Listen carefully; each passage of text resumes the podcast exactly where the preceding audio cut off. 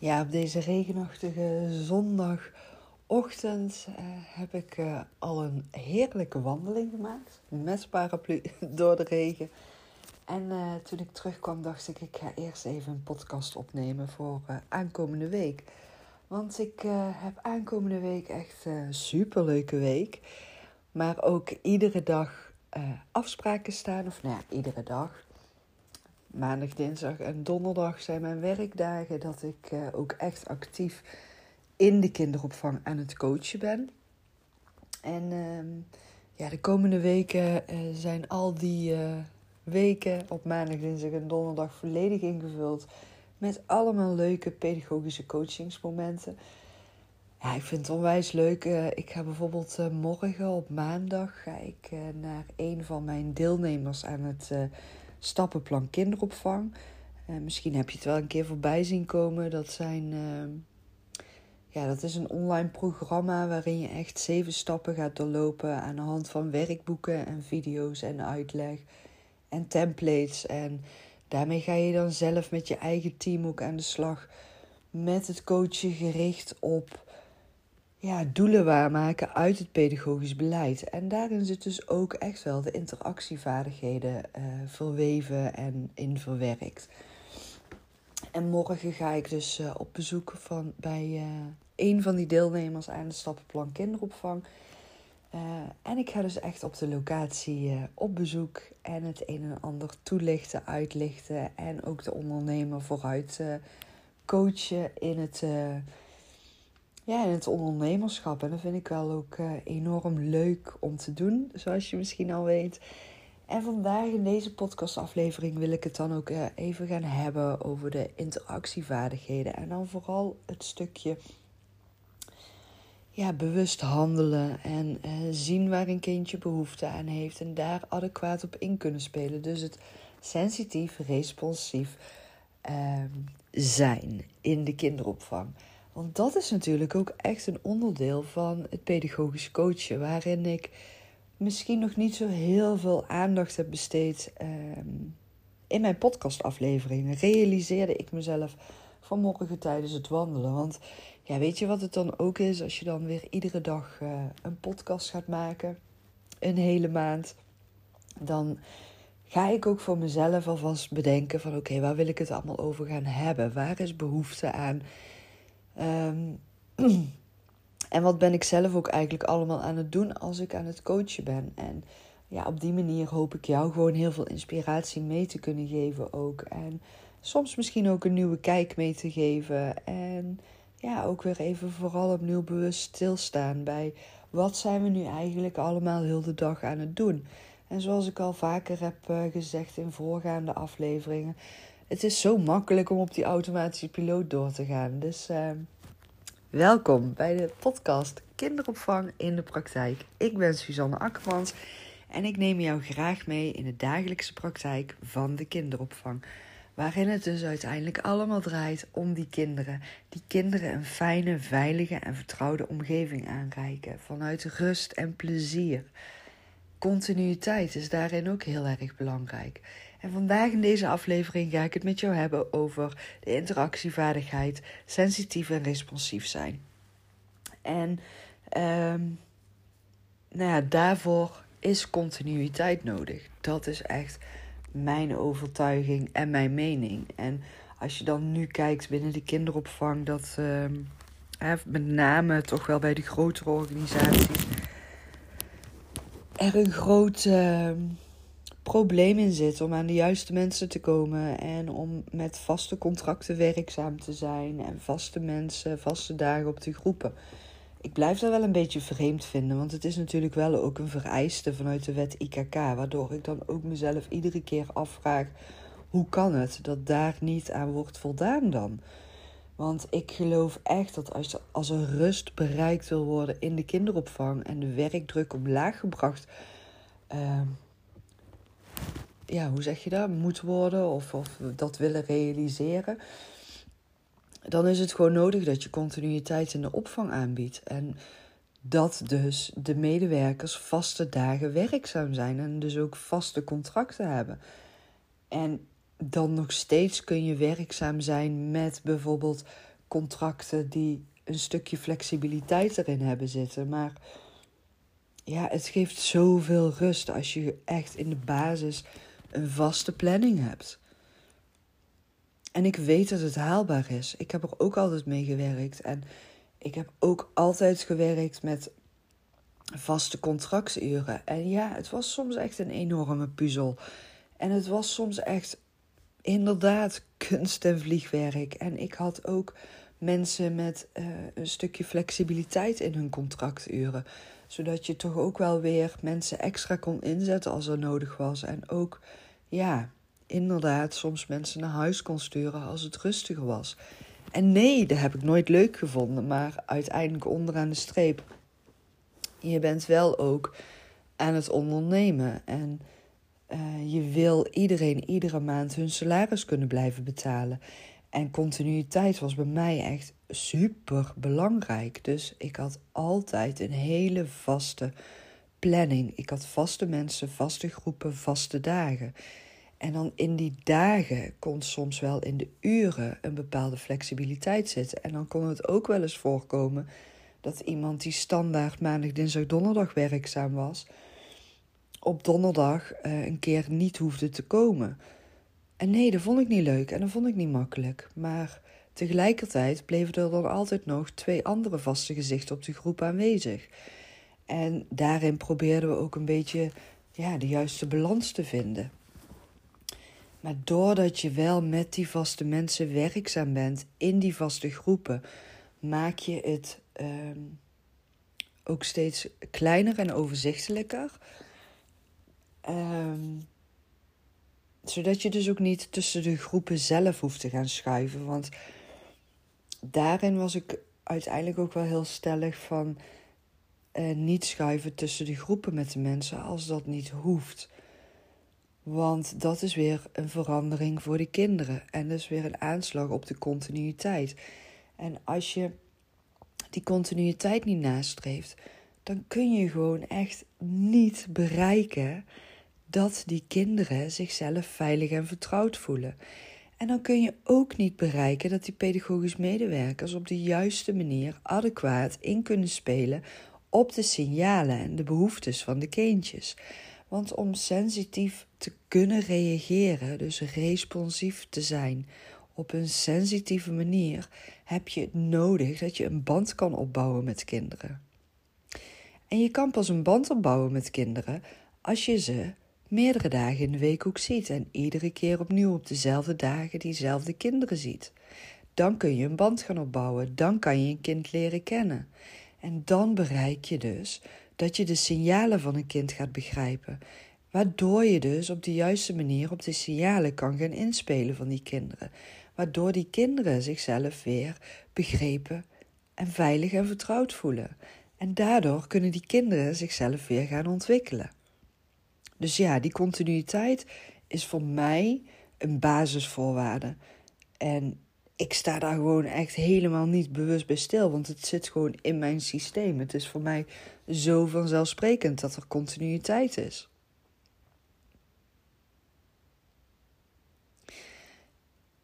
En um, ja, wat ik net zeg, hè, om sensitief en responsief te kunnen zijn, is het echt belangrijk dat er die tijd en ruimte is om elkaar dus te leren kennen. Um, weet je, de gedurende. Uh, kijk maar naar een babygroep of een peutergroep. Kinderen zitten gemiddeld twee jaar in zo'n groep. En als je een dreumesgroep hebt, uh, dan zitten kinderen vaak een jaar in een babygroep, een jaar in een dreumesgroep, soms anderhalf jaar. En dan uiteindelijk nog anderhalf twee jaar in de peutergroep. Dan is er een langere tijd, um, waardoor je echt kan investeren in het kind leren kennen. Waardoor je als pedagogisch medewerker voorspelbaar en betrouwbaar gaat zijn en worden. En die voorspelbaarheid is weer nodig om een kind zichzelf veilig te kunnen laten voelen. En doordat jij altijd met dezelfde kinderen op dezelfde dagen werkzaam bent, ga jij die kleine signalen zien, die specifieke behoeftes van de kinderen, die ga je herkennen. Je weet dan op een gegeven moment, oh wacht even, als dit kindje op deze manier huilt, heeft hij honger. Als dit kindje ehm, heel erg druk binnenkomt in de ochtend, dan heeft hij een slechte nacht gehad en heeft hij te weinig geslapen. Dus moet hij echt op tijd naar bed toe. Daar kan je dan vooruit op inspelen.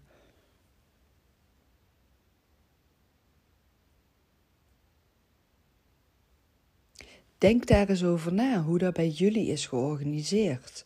En hoe kunnen jullie die continuïteit gaan realiseren? En weet je, het is natuurlijk zo, in een groep met kinderen gebeurt er heel veel tegelijkertijd. En dan is het echt uh, zo fijn als je altijd in diezelfde groep op dezelfde dagen werkzaam bent. Want dan kan jij veel makkelijker inspelen op alles wat tegelijkertijd gebeurt. En wordt het geen kunst- en vliegwerk? Nee, jij weet gewoon exact van oké, dit kindje heeft altijd uh, moeite met in slaap vallen. Dus daar heb ik echt meer tijd voor nodig. Mijn collega gaat vandaag met deze kinderen um, een activiteit doen. En de andere collega die zorgt vandaag voor alle um, maaltijden voorbereiden en de verschoningen. Dus ik heb mijn handen vrij voor dit, voor dit kindje om daar extra tijd aan te besteden om die in slaap te krijgen. Weet je, dat is alles bij elkaar. Door die continuïteit kun je weer gaan investeren in de samenwerking. En kun jij dus ook weer veel beter sensitief gaan reageren. Sensitief, responsief zijn op de signalen die de kinderen uh, laten zien. Je kan daar veel beter op gaan inspelen. Je hebt echt oog voor alle signalen die er zijn op een dag. En zeker bij de kleine kinderen, bij de, bij de, uh, bij de baby's is het zo belangrijk dat jij kan kijken en kan zien van wat laat een kindje nou zien. Want het is vaak allemaal non-verbaal in een babygroep.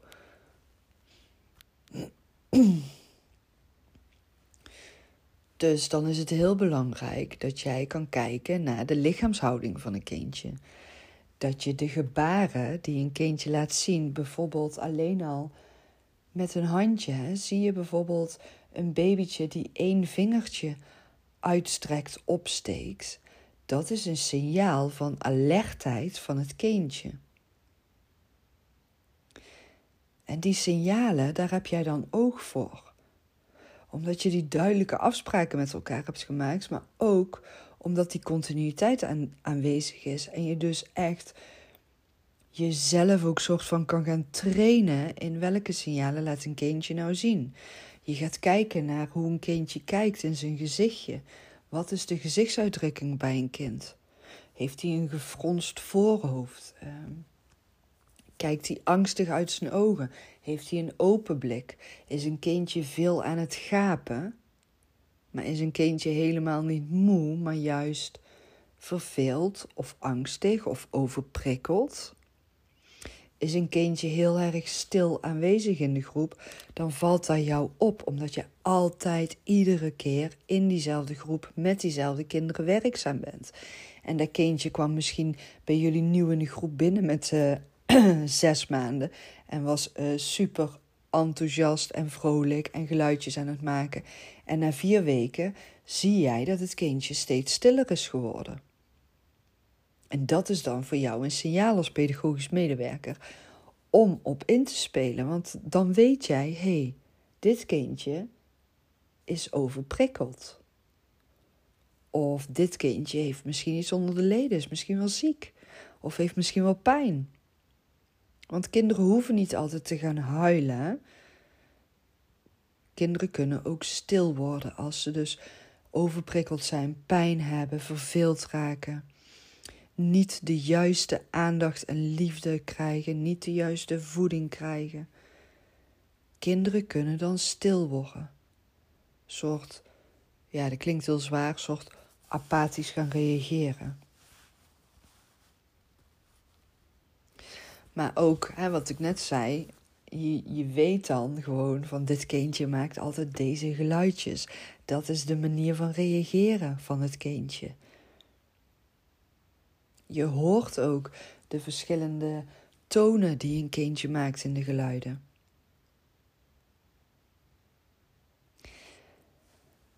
Ja, en als een kindje zichzelf dus echt eh, veilig en goed voelt in de groep, dan laat een kindje ook meerdere signalen zien. Um, ja, wat zie je dan? Hè? Wat, wat zie je bij kinderen die lekker in hun vel zitten? Ze zijn dan uh, onderzoekend, ondernemend, uh, kijken rond. Uh, ze zijn enthousiast, ze hebben dus energie, maar ze zijn ook betrokken bij het spel. Dus de enthousiasme, maar ook het echt actief betrokken zijn bij het spel. Um, als je ze uitdaagt, dan, dan willen ze ook echt wel dat het gaat lukken. Ze willen doorgaan.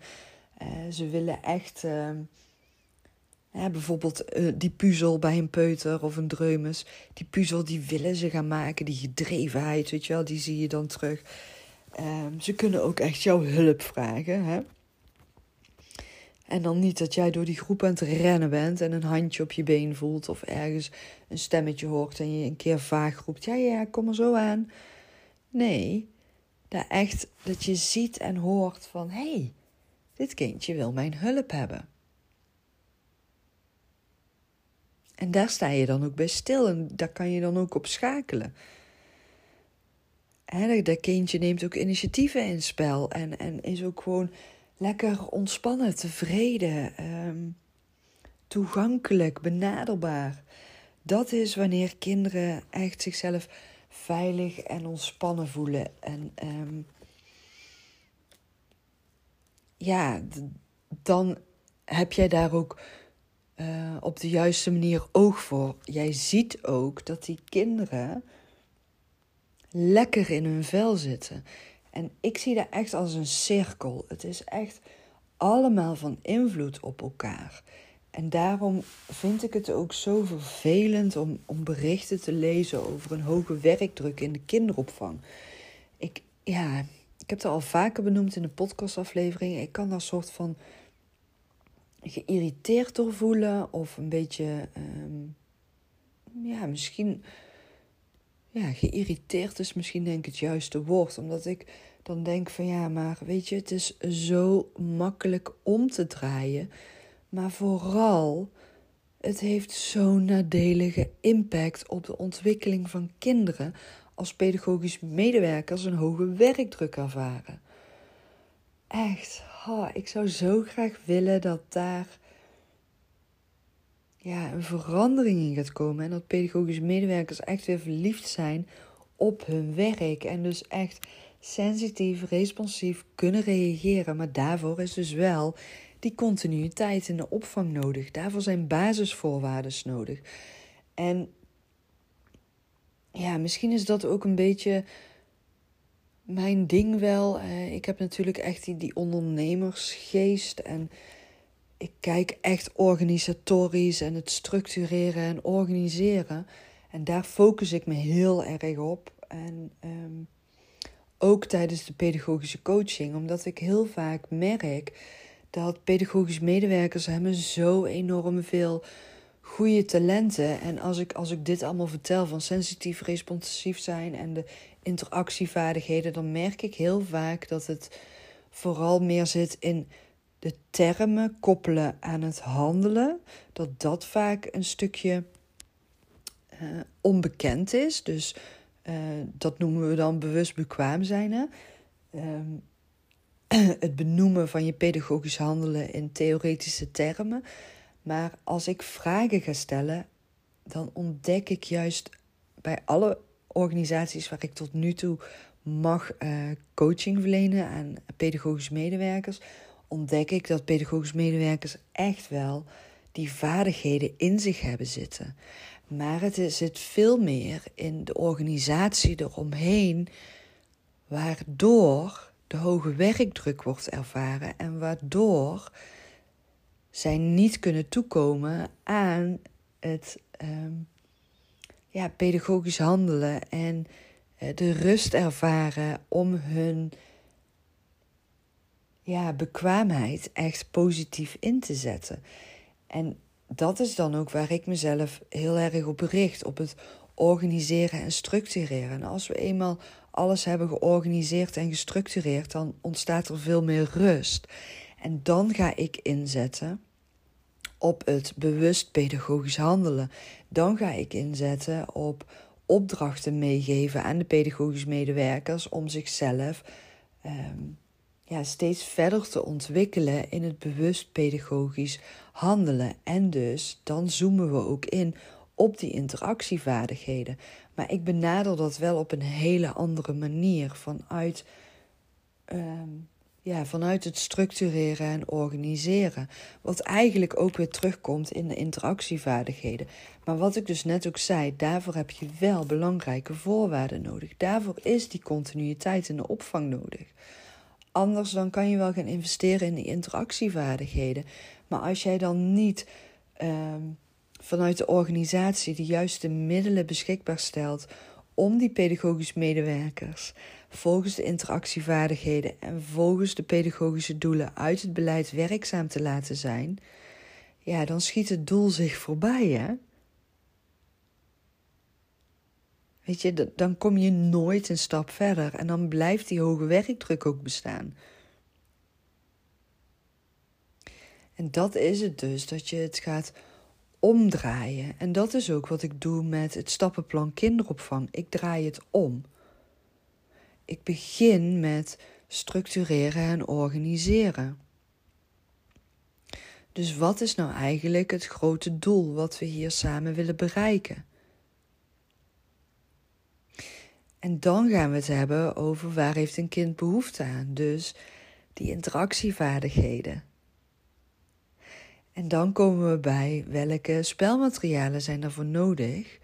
Om dus dan ook weer die kinderen, ehm, ja, weet je, enthousiast en betrokken te laten zijn.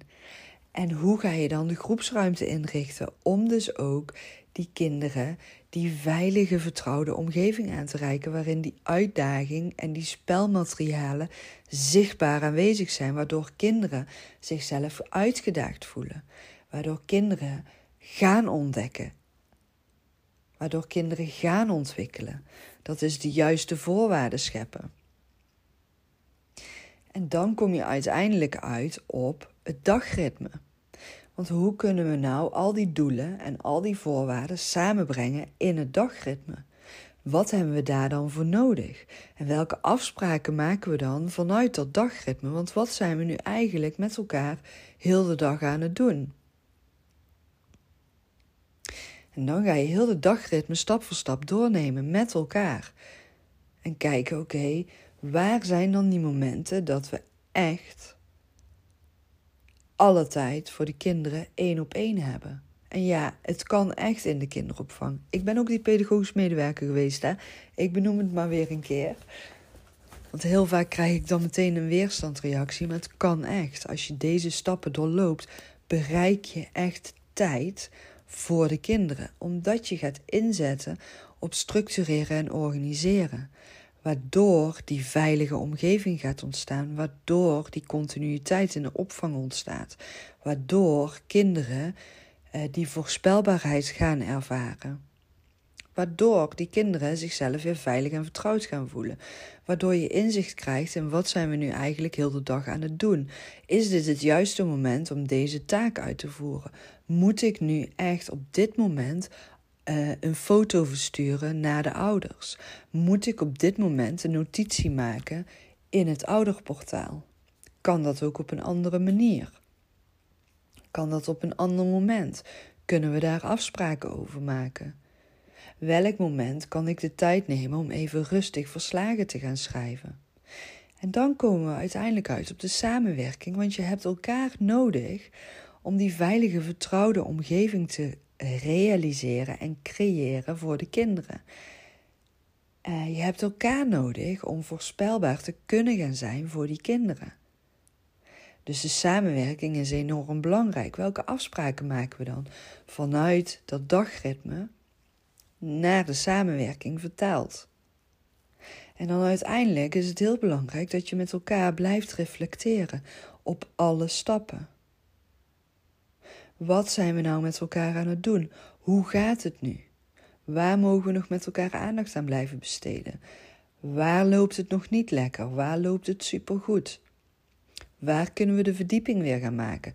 Waar kunnen we weer aandacht gaan besteden aan de interactievaardigheden? Welke interactievaardigheden kunnen we nu vanuit rust en tijd en ruimte en vanuit voorspelbaarheid, vanuit aanwezigheid voor die kinderen extra aandacht aan gaan besteden? Hoe sensitief, responsief zijn wij werkzaam met die kinderen? Hoe goed herkennen wij de signalen van de kinderen in onze groep? Kies gewoon eens drie kinderen uit je groep uit en ga daar eens naar kijken. Wat laat het kindje aan mij zien? Welke signalen zie ik?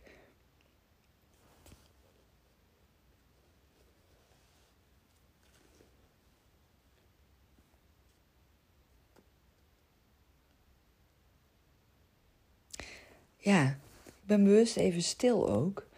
Want ik vind dit echt zo belangrijk dat um, op de juiste manier efficiënt wordt geïnvesteerd in het verlagen van werkdruk, verhogen van werkgeluk. En daarvoor zijn echt heel veel voorwaarden heel belangrijk, anders realiseer je het niet. En continuïteit is echt voorwaarde nummer één. En dan kun je wel gaan investeren in die pedagogisch medewerkers, maar als je daarin de organisatie niet meeneemt, ja, verandert er echt niks in de beleving van de pedagogisch medewerkers.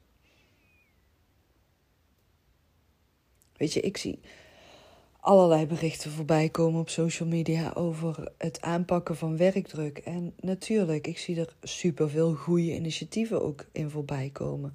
Maar overal mis ik het organisatorische stukje. Die continuïteit, die gewoon super makkelijk te realiseren is. En voor een ondernemer levert het juist veel meer op als je investeert in de continuïteit. Want het mooie is dus ook als je gaat, uh, die zeven stappen die ik net noemde, als je die gaat uh, implementeren, dan ga je ook ervaren dat pedagogisch medewerkers binnen jouw organisatie werkzaam willen zijn. Dan heb je geen personeelstekort meer. Ook al is er een mega tekort op dit moment in de kinderopvang. En ook die begrijp ik, want de diploma-eisen zijn aangepast. Dus ja, er zijn heel veel supergoeie professionals die nu niet meer werkzaam zijn in de kinderopvang omdat ze niet meer de juiste diploma's hebben. En dan vervolgens lezen we alleen maar negatieve berichtgeving over de kinderopvang. Denk je dan dat er dan nog mensen enthousiast worden over de kinderopvang en denken daar wil ik in werken? Dan denk ik, ja, weet je, het is een beetje dom, het is een beetje verkeerd omdenken wat we nu aan het doen zijn. Ja, dan ben ik misschien heel hard en lomp. Maar dat is echt mijn mening. Ik denk dan echt, ja, weet je, jongens, we zijn echt even allemaal, jullie zijn echt even allemaal op de verkeerde manier bezig. En dat is mijn waarheid, hè. En eh, weet je, daar mag je mee doen wat je wil. Uh, en ik weet ook, binnen grote organisaties gaat het echt gigantisch anders dan in kleine organisaties. Maar ik ben er echt van overtuigd dat ook in grote organisaties heel veel werkgeluk ervaren kan worden. En ik ken ook organisaties waar dat wel zo is. En daar investeren ze ook in continuïteit. Daar investeren ze ook in die vaste contracten. En daar hebben ze ook geen problemen met nieuwe personeelsleden vinden. Omdat je gewoon bekend staat als een hele aantrekkelijke organisatie om werkzaam te zijn. En weet je, je kan aantrekkelijk zijn op verschillende manieren. Um, je kan aantrekkelijk zijn door de inrichting van je locatie, dus de uitstraling. Dat spreekt mensen op het eerste gezicht altijd gigantisch aan. Oh, daar wil ik werken. Daar ziet het er super mooi uit. Maar dan is de volgende stap net zo belangrijk, want het kan er super mooi uitzien. Maar als de werkomstandigheden niet super mooi en super leuk zijn, dan uiteindelijk gaan mensen rondkijken en gaan ze weg.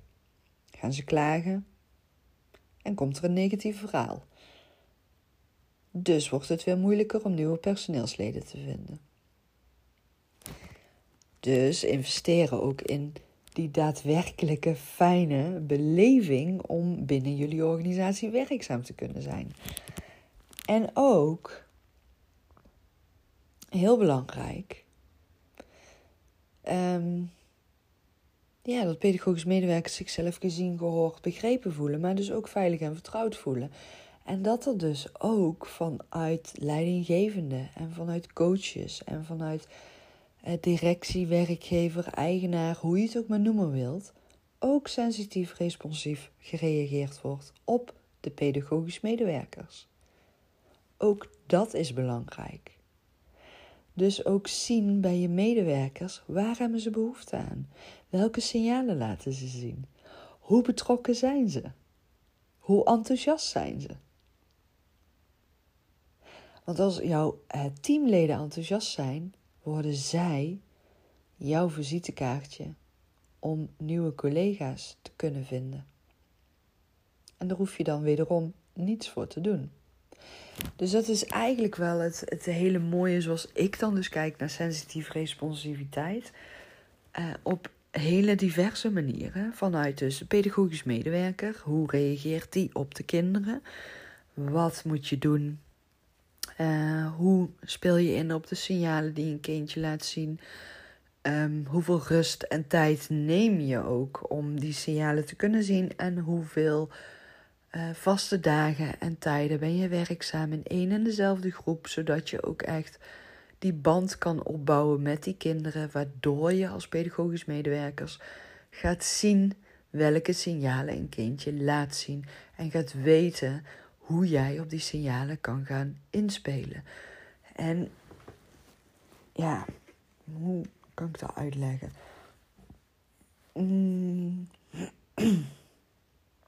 Ja, ik weet natuurlijk niet uh, wie jij bent die naar deze podcastaflevering luistert. En of jij zelf kinderen hebt, of je zelf huisdieren hebt. Misschien heb je ook een hond, een, puppy. Hmm.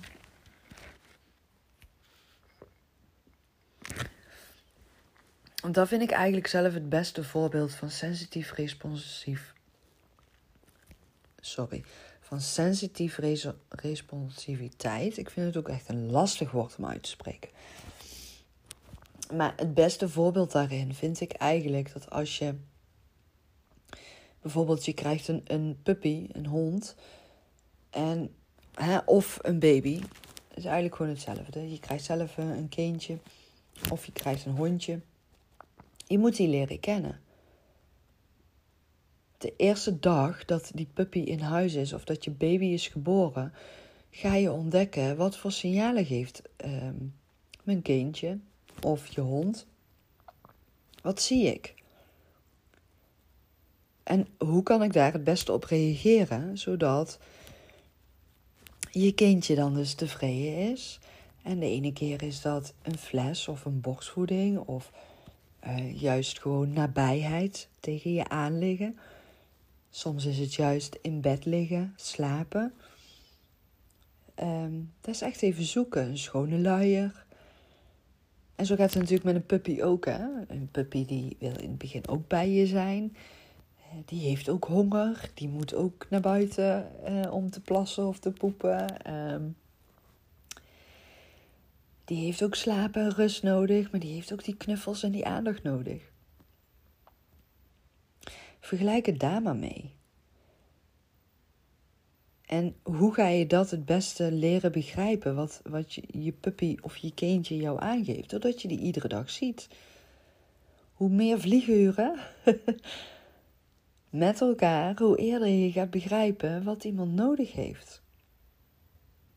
Dus ja, investeer in die continuïteit. En ook al was dit een podcastaflevering over sensitief responsief reageren.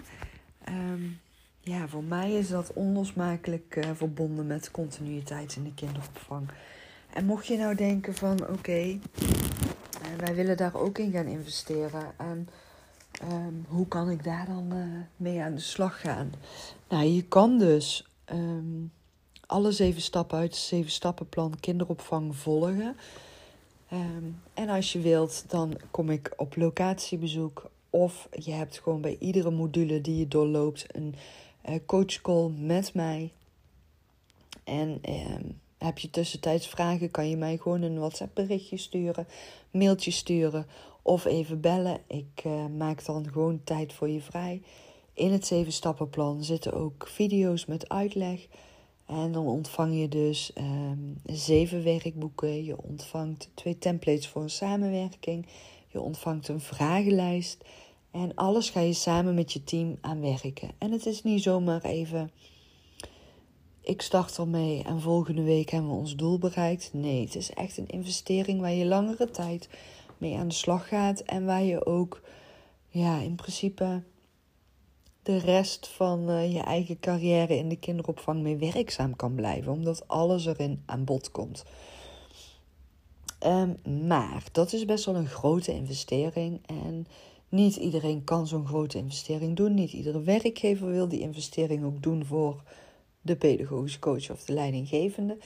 Daarom heb ik dus ook dat ik nu die werkboeken ook los aanbied. En je dus gewoon in je eigen tempo alleen het werkboek uh, koopt voor 125 euro ex-BTW.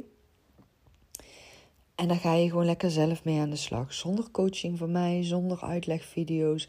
Heb je wel het werkboek, kun je wel gewoon mee aan de slag gaan. Ehm, afhankelijk van de module die je uh, koopt, krijg je uh, daar een vragenlijst of de template voor de samenwerking uh, bij. Maar dat is dus echt afhankelijk van de module die je dus koopt.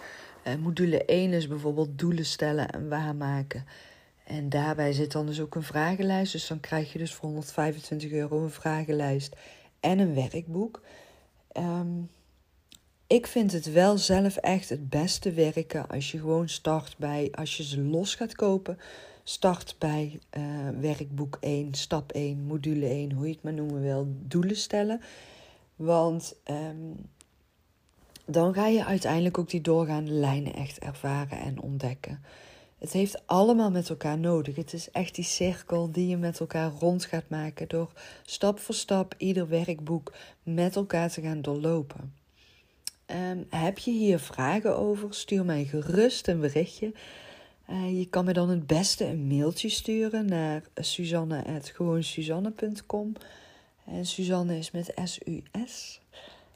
En um, ja, dan beantwoord ik je vragen graag of we plannen ergens een keer een telefonische afspraak in dat ik het je verder kan uitleggen.